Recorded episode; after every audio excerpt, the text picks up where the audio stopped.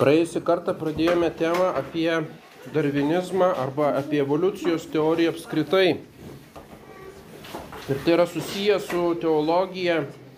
Ir vienas iš tokių priekaištų populiariausių prieš tvėrimą arba argumentus prieš evoliuciją tai yra vadinamasis plyšių arba spragų dievas. God of gaps. Reiškia spragų dievas, tai esą pažeidimas metodologinio naturalizmo. Reiškia metodologija arba metodė, jeigu kalbam apie gamtos mokslus, reikia laikytis naturalizmo. Reiškia viską aiškinti iš pačios gamtos, o nesiremti kažkokiu tai ant gamtinių dalykų, tarkim Dievo poveikiu. Ir tada sakoma, e, katalikai elgesi panašiai kaip graikų antikinėme teatre, būdavo vadinamas Dėjus ex machina, reiškia antikinio teatro fabula, e, reiškia tas režisierius dramoje kažkaip tai sukomplikuoja ir paskui pats pasimeta jau, kaip ten toliau išspręsti tos problemas. Ir tada staiga yra machina, tokia mechaninė konstrukcija. Ir artistą nuleidžia ant lynų į sceną, reiškia, koks nors dievas, ten Zeusas ar ar Atenė, ar koks nors kitas dievas, tas dėjus eksmachina, maš, dievas iš mašinos ir jisai staiga viską išsprendžia. Reiškia specialia intervencija, visas tas komplikuotas siužetą, fabulą, reiškia išriša, nusprendžia taip ar anaip, ar ką nors nubaudžia, ar užmuša ir tada viskas gražiai išsisprendžia. Ir tada sakoma, kad Dievas atsėjai pagal katalikus yra toksai dėjus eksmachina, Dievas iš mašinos, kuris tiesiog kaip pritrūksta katalikams mokslinių žinių, tai ant lynų gražiai nusileidžia Dievas ir jisai viską sukuria automatiškai ir nereiks nieko galvoti. Reiškia, jis esas plyšių kamšymo Dievas, žmogaus laikinos nežinojimo spragos dirbtinai užkamšomos Dievo veikimu. Ir tai esą toksai mokslinis arba intelektualinis nesažiningumas, nesuderinamas su tikru, tikru mokslų, o be to tai pažemina ir patį Dievą, kuris e, paprastai veikia per Dievo, per natūrales kažkokias tai priežastis. Tačiau turim suprasti, kad šitas argumentas plyšių Dievo, jis pirmiausia yra nukreiptas prieš bet kokį Dievo veikimą, prieš pirmiausia stebuklus kaip tokius antgamtinius e, Dievo intervencijas ir taip pat prieš sutvėrimą iš nieko, e, reiškia prieš bazinės krikščioniško tikėjimo tiesas. Taigi pats argumentas buvo iškeltas ateistų ir remiasi ateizmu ir būtent link to veda. Tačiau žinoma galime pripažinti, jeigu katalikas mokslininkas laboratorijoje nesugebėjo nustatyti, kokia cheminė medžiaga sukėlė kokią nors reakciją, jis neturi teisės mokslinėje publikacijoje rašyti tikriausiai čia Dievo stebuklas įvyko. Tai čia tikrai, tikrai būtų to metodologinio naturalizmo toksai neteisėtas pažeidimas. Tačiau nesažininga būtent laikinomis spragomis vadinti aiškės filosofinės e, neįmanomybę, kur kažkas iš tikrųjų fundamentaliai yra neįmanoma. Tai nėra kažkokia laikina spraga, kur aš kol kas nežinau, bet tai prieštarauja principams mūsų iš visų suvokimo pasaulio. Taigi jeigu teorijos prieštarauja gamtos dėsmės, dėsniams ir sveikai gamtos filosofijai, tai čia nėra jokios spragos. O tai yra įrodytos klaidos arba bent nepakankamai pagristos hipotezės, kurios neduoda teisės neikti ankstesnį teoriją ir čia negalima šito argumento iškelti. Taigi reikia suvokti, ką tai reiškia intervencija arba įsikišimas Dievo.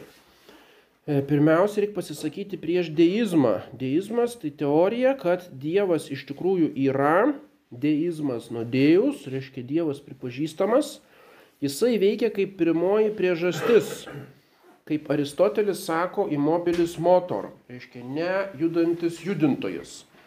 Reiškia tokia abstrakti pirmoji priežastis, kuri vienu aktu davė būti tvariniai ir taip pat kaip įstatymų leidėjas nustatė tokius gamtos įstatymus, gamtos dėsnius tolesniai raidai, o toliau pasaulis vystosi ir formuojasi visiškai savarankiškai per vadinamų antrinių priežasčių veikimą.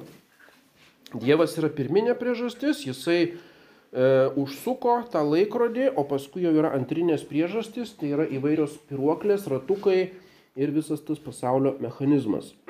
ir būtent laikrodininko ir laikrodžio įvaizdis tai yra pats populiariausias pas deistus ir e, reiškia apšvietos laiko visą šitą filosofiją. Dievas esas laikrodininkas, o pasaulis yra kaip tobulai sukonstruotas toksai mechaninis laikrodis, kuris veikia iš esmės pagal mechaninius e, Dekarto ir Newtono, reiškia, nustatytus dėsnius. Ir tada Dievas yra geras juk laikrodininkas, jis nėra kažkoks e, atgrubnagis meistras, kuris negrabiai sumontuoja, paskui tas laikrodis stringa pastovi ir Dievas turi nuolat įsikišinėti ir ten taisyti tos ratukus ar kažką tai sutepti. Tai būtų pasityčiojimas iš Dievo. Dievas viską sukonstravo labai gerai. Ir reiškia, tas mechanizmas sukosi tobulai, be jokių užsikirtimų ir tada Dievui visiškai nebereikia į to mechanizmo darbą kištis. Bet tada Dievas tampa kaip religijotyra, yra toksai terminas iš e, religijotyros arba religinės antropologijos, Dievus ociozus. Reiškia Dievas, kuris ilsisi, besilsintis arba e, dykadoniaujantis Dievas, kuris nebesikiša. Reiškia, jeigu tik e, tyriame įvairių tautų mitus, tai visur matome kažkokią pagrindinę dievybę. Tarkim, pas lietuvius yra perkūnas, arba pas graikus Dzeusas, arba pas kokias kitas tautas pagrindinis dievas, kuris yra aktyvus toksai, kuris viską tvarko, viskam komanduoja, tačiau jis nėra pats pagrindinis ir pats aukščiausias dievas. Virš jo visą laiką yra senasis viso pasaulio kuriejas, koks nors senelis, Bet į tą žmonės nebesikreipia, jis yra toksai odėjus ociozus, reiškia dikadoniaujantis į pensiją išėjęs toksai dievas, kuris tik tai davė pradžią, o paskui į pasaulio tvarkymą nesikiša. Ir tarkim pas lietuvius gali būti, kad tai ir yra dievas.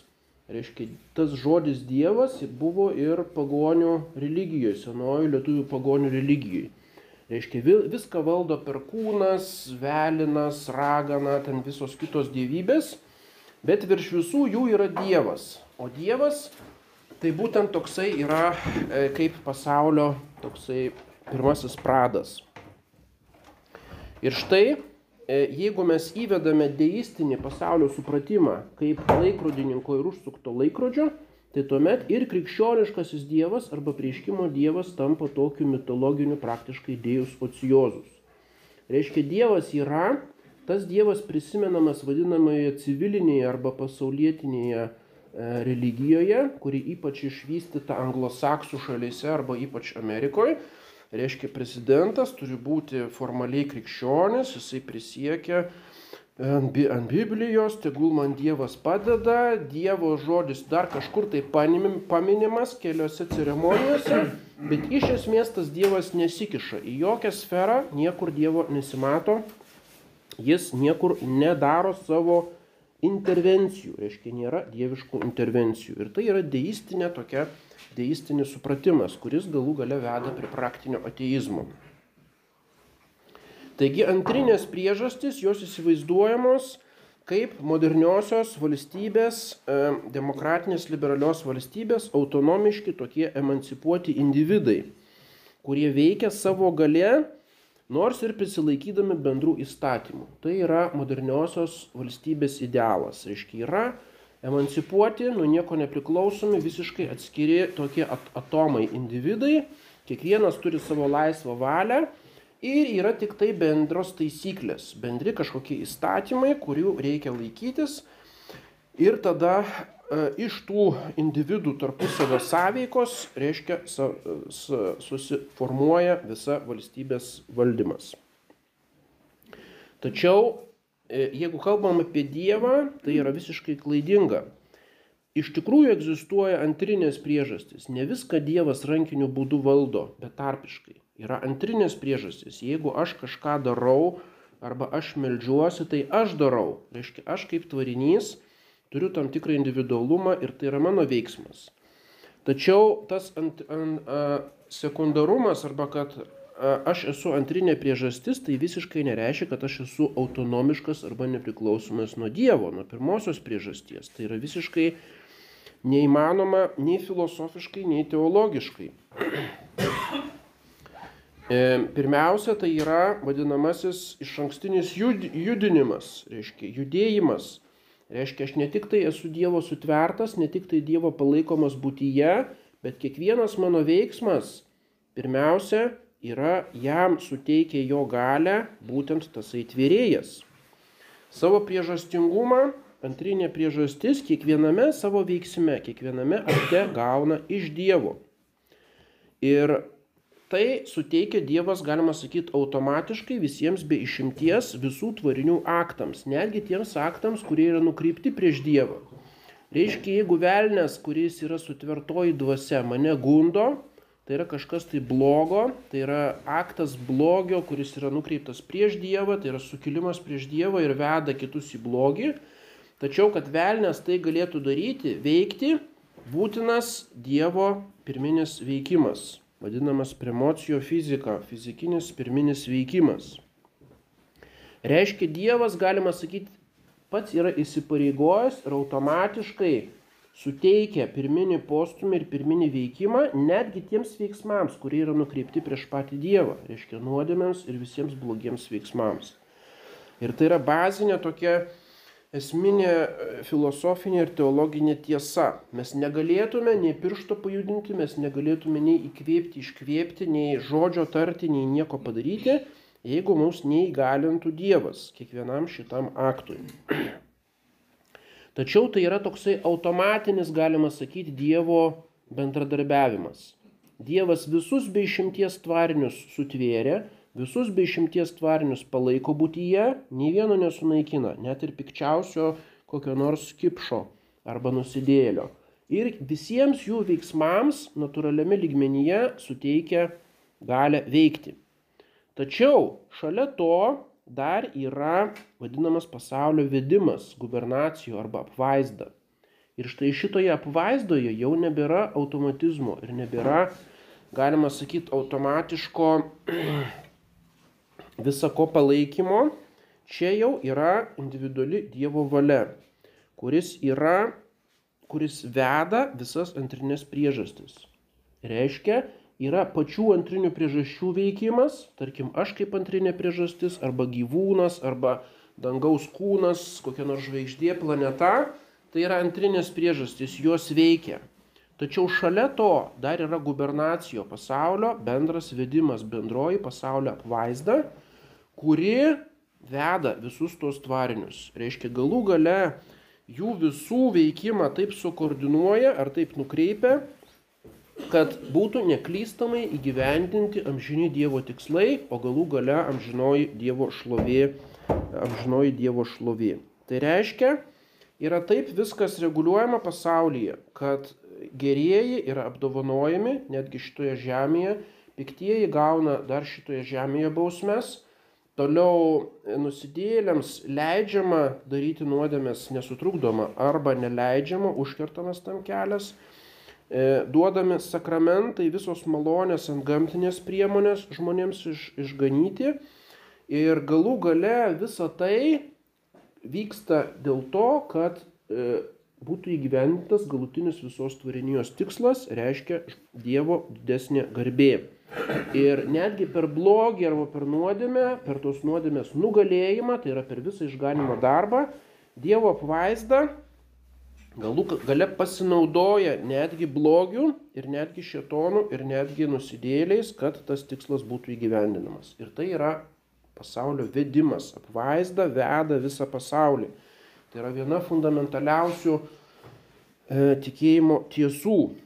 Reiškia, yra ne tik tai automatinis pasaulio palaikymas, bet ir Dievo valios pasireiškimai. Kiekvieną dieną, kiekvieną minutę visose srityse, tiek gamtinėje srityje, tiek ant gamtinėje srityje. Ir būtent deizmas yra nukreiptas prieš šitą gubernaciją, prieš apvaizdą. Sako, nereikia jokios apvaizdos ir jokio vedimo, pats pasaulis automatiškai sukasi kaip užsuktas laikrodis. Taip kaip Nuolatinis išlaikymas būtyje nepanaikina savarankiškos tvarinių būties, tai yra jų substancialumo arba skirtingumo nuo Dievo, taip ir Dievo apvaizdos vedimas nepanaikina mūsų laisvos valios arba mūsų kaip antrinių priežasčių veikimo. Tai yra esminis, esminis toksai principas. Reiškia, Dievas mane sutvėrė ir Dievas mane palaiko būtyje. Bet ką tai reiškia? Ar tai reiškia, kad aš visiškai esu kaip kaip e, neturintis jokios savarankiškos vertės ar savarankiškos būties. Nieko panašaus. Dievas davė man šitą būtį ir aš toje būtyje toliau esu. Ir lygiai taip pat yra su veikimu. Reiškia, veikimas yra mano veikimas, tai nėra aš nesu kaip koks automatas ar robotas, per kurį Dievas automatiškai, reiškia, kažką tai mane diriguoja, tai yra mano veikimas. Taigi yra ne du kraštutinumai, visiška emancipacija ir, arba visiška vergovė, bet kosmoso veikimas vadovaujant Dievui, be kurio žinios ir plaukas nuo galvos nenukrenta. Tai yra toks esminis pasaulyje vaizdis krikščioniškas. Dievo apvaizda veda antrinių priežasčių veikimą link bendro Dievo apvaizdos tikslo tos, die, tos priežastis to tikslo gali nematyti arba net jam prieštarauti. Tos priežastis, tarkim, e, gyvūnai arba kokie fiziniai procesai arba dalelės arba planetos, jos žiūri tik tai savo intereso.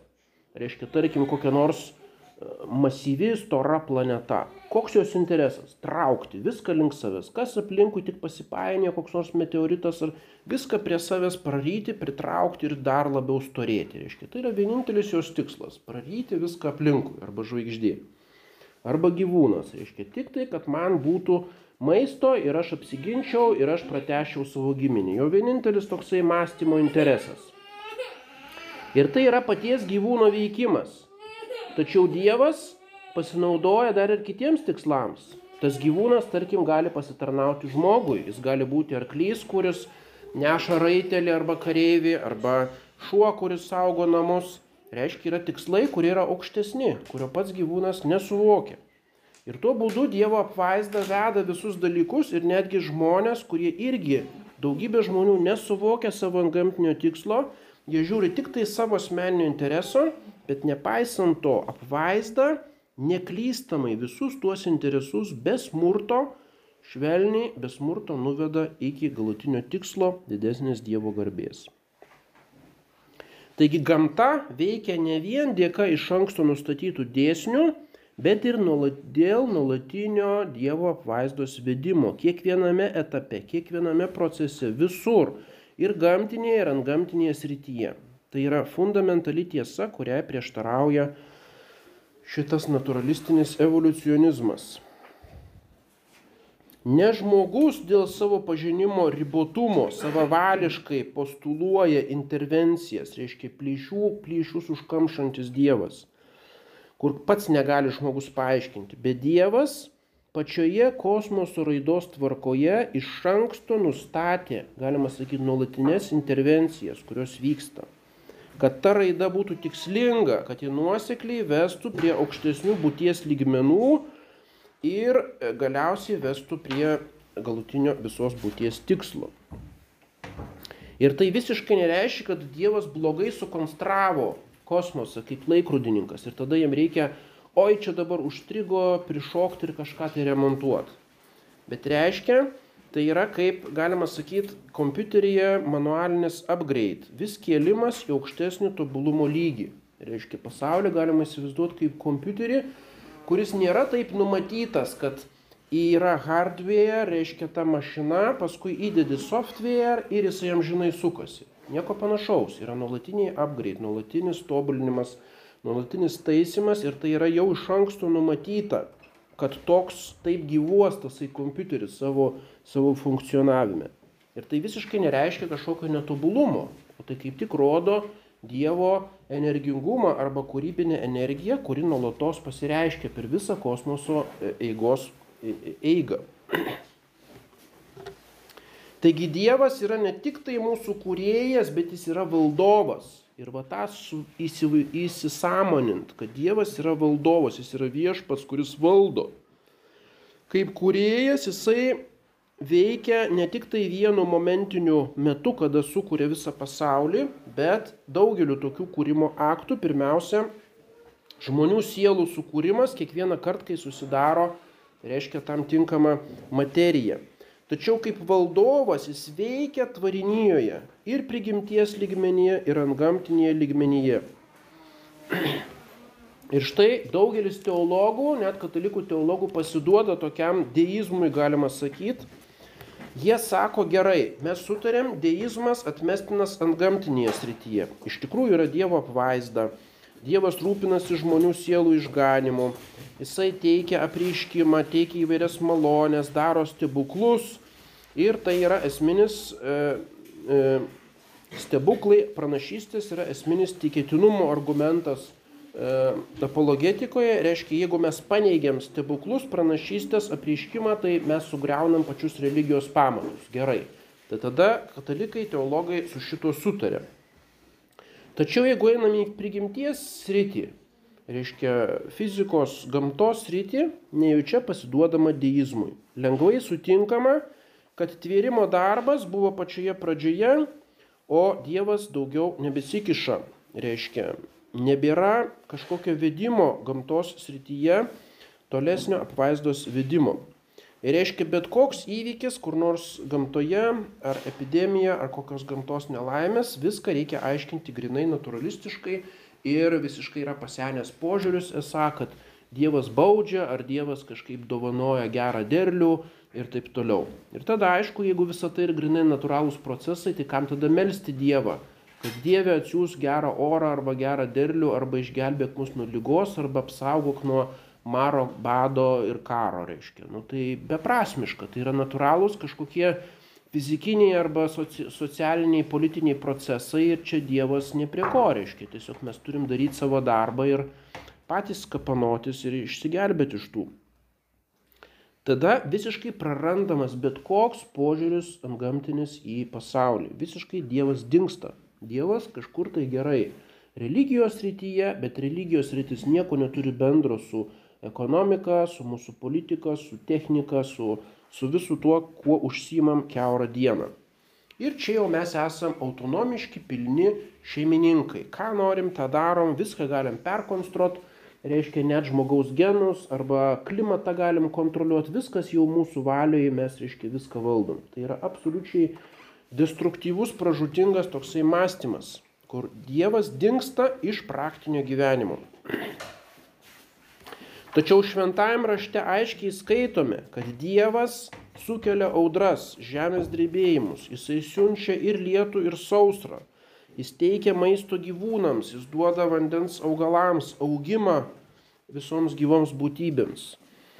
Ir reiškia, taip nėra, kad čia tik tai retoriškai antrinių priežasčių dėsninga veikla priskiriama pirminiai priežasčiai, norint pabrėžti Dievo visagalybę ir išmintį. Taip dažnai yra aiškinama.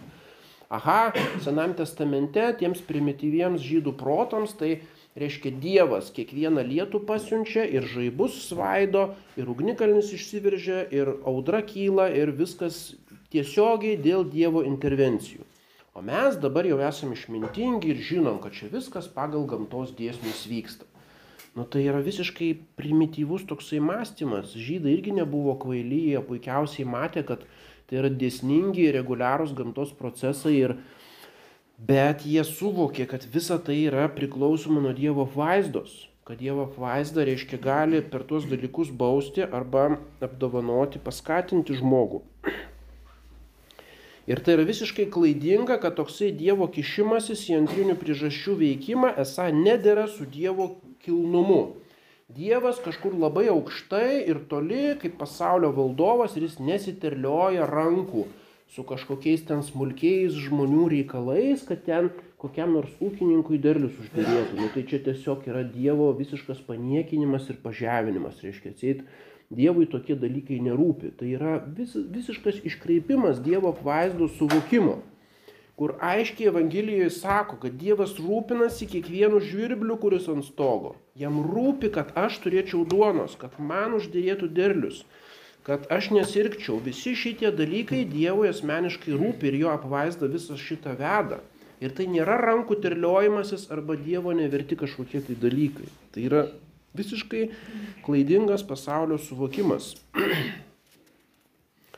Ir čia, aišku, prisideda graikiška teologija, graikiška mintis, kuri perėmė iš helenizmo, iš senosios graikų filosofijos tą perdėtą pabrėžimą tarpininkavimo. Reiškia, ypač graikų tie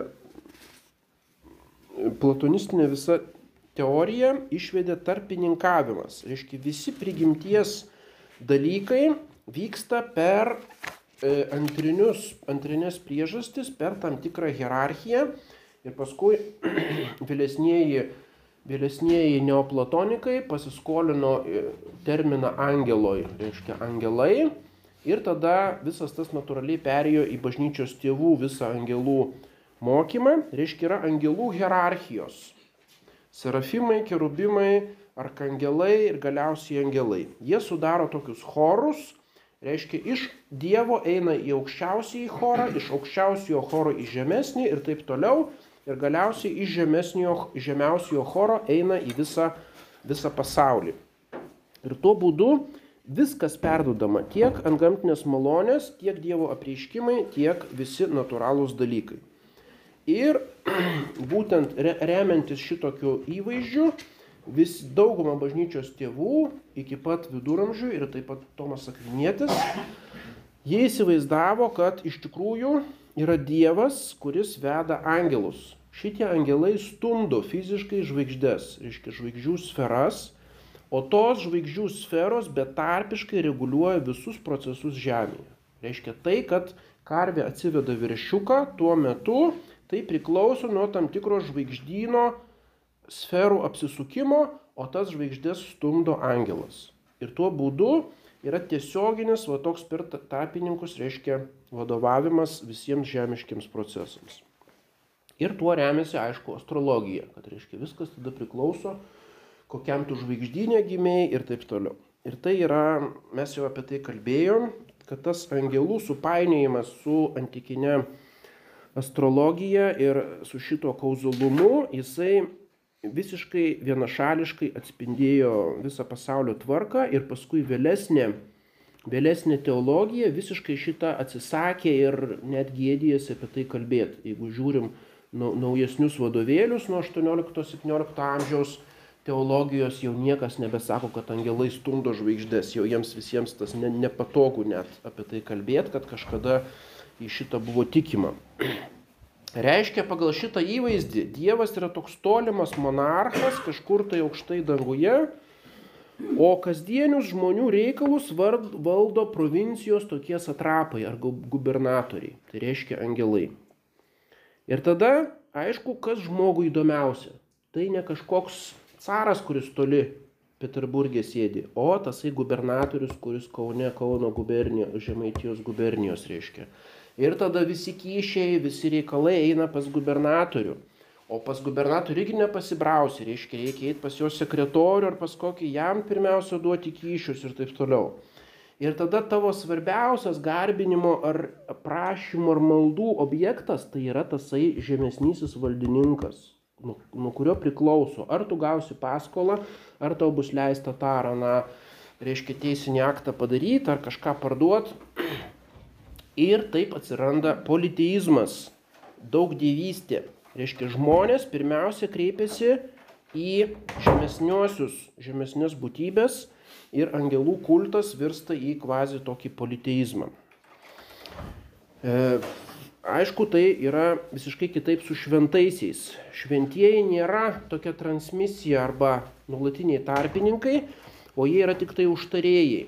Reiškia, jeigu į šventąjį kreipiuosi, tai jau yra visai kas kita. Tada jis nėra reguliarus reikalų tvarkytojas, bet tik tai įsiterpia mane užtarė tam tikrų atvejų. Tai reiškia, čia reikia atskirti. Šventųjų garbinimas visai kitokio yra pobūdžio. Bet būtent perdėtas angelų kultas, jis visą laiką buvo tam tikras pavojus. Ir paskui bažnyčios tėvai jau tą irgi pamatė ir įspėdavo prieš šitą kultą.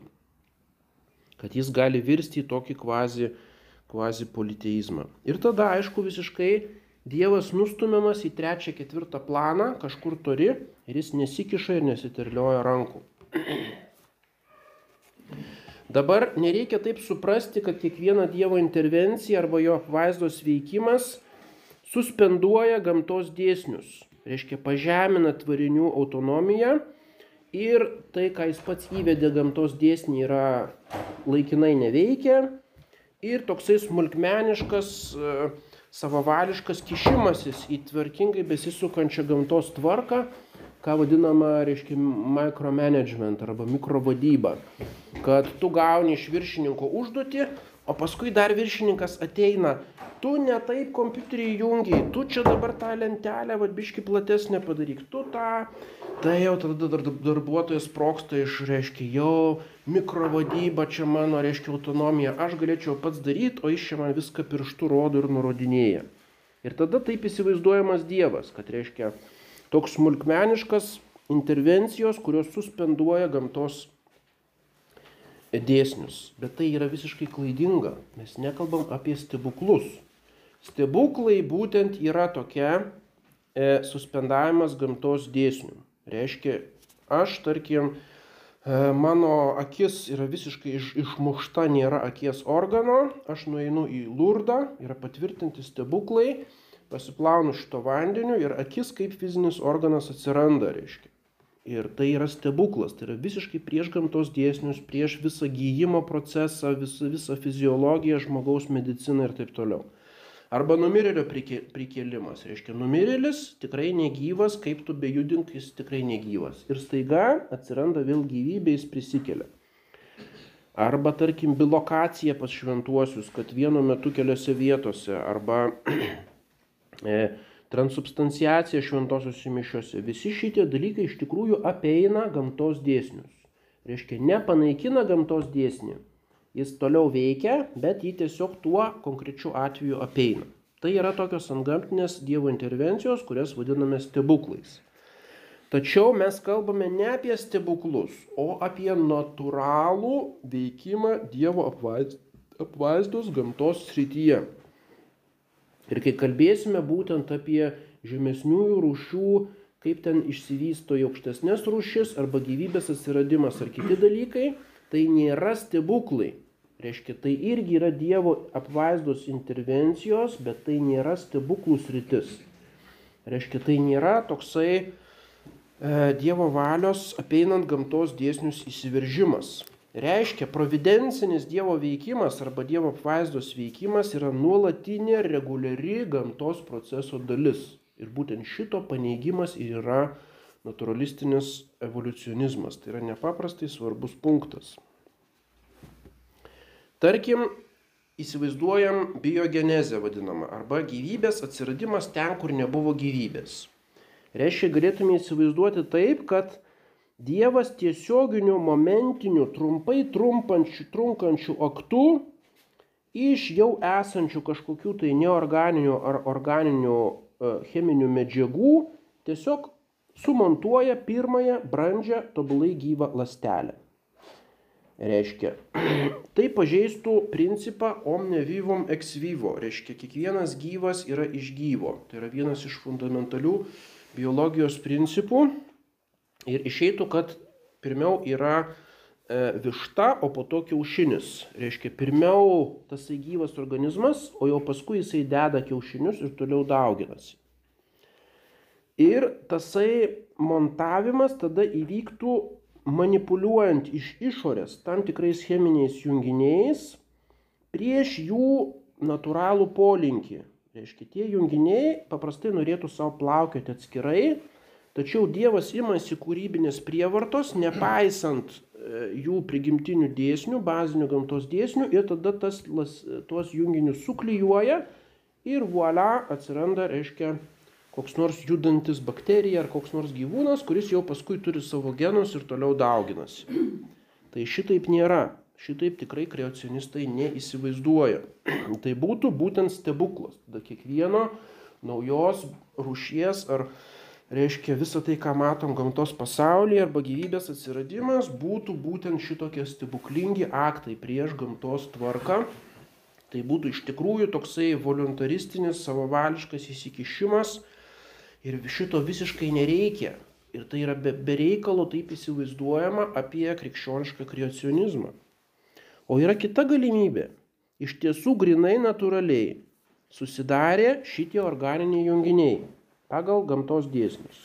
Tada susidarė ta vadinama pirmykštė sriuba, reiškia tų junginių tam tikros konsteliacija tam tikroje drėgnoje aplinkoje ar ten vandenyje.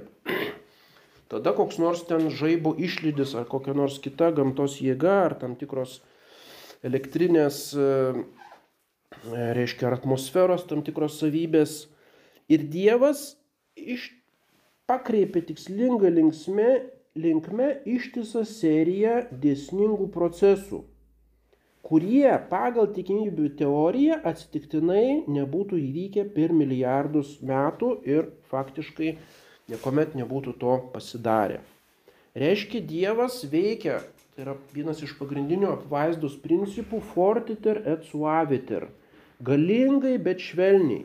Dievas neveikia prievartiniu būdu prispausdamas kažką, bet jis veikia neklystamai, įgyvendina savo planus, bet švelniai veikia. Reiškia, jis nedaro išorinės mechaninės prievartos, bet pasinaudoja tų natūralių gamtos procesų veikimu švelniai taip, kad atsitiktiniai chaotiniai procesai būtų nukreipti link vieno tikslo.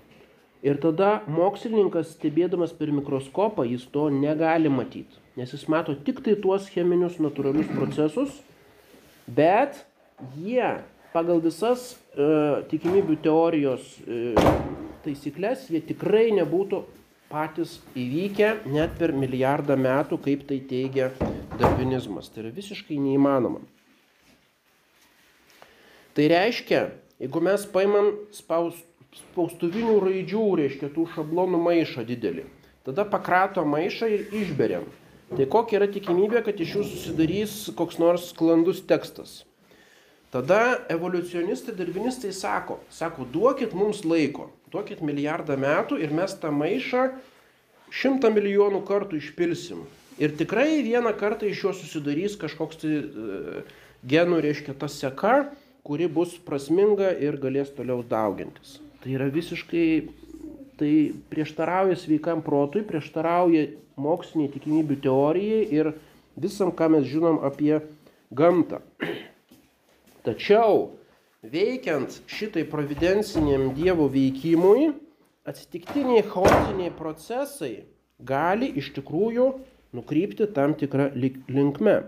Ir iš tikrųjų, pakračius šitą raidžių maišą, gali išbirti sklandus, gražus tekstas. Reiškia, tuo atveju net vienai sekundžiai nepaneigiamas visiškai reguliarus gamtos dėsnių veikimas nesuspenduojama jokios antrinės priežasties veikla, tačiau vis dėlto Dievo valia yra įgyvendinama. Ir taip vyksta visur, kur mes matome apvaizdą. Tarkim, istoriniai įvykiai, kurie yra nepaprastai chaotiški, visiškai neprognozuojami. Tas tą nusprendžia, ten karas, ten vėl kažkas tai, o galų gale mes matome Dievo apvaizdos veikimą. Tuose pasižiūrėję, galima sakyti, iš, iš, iš viršaus į chaotinius procesus. Ir lygiai tą patį apvaizdos principą, veikimo principą chaotiniuose procesuose mes galime paprasčiausiai pritaikyti gamtos sryčiai. Taigi darvinizmas Dievo kūrėją ir Dievo apvaizdą pakeičia aklų atsitiktinumu ir ilgų laikų. Mums belieka sakyti, kad nėra aklo atsitiktinumo, yra Dievas ir yra Dievo apvaizda ir tam Dievas naudojasi tuo il, il, ilgas laikas yra, bet nereikia tokio ypatingai ilgo laiko, kaip darvinizmas mano.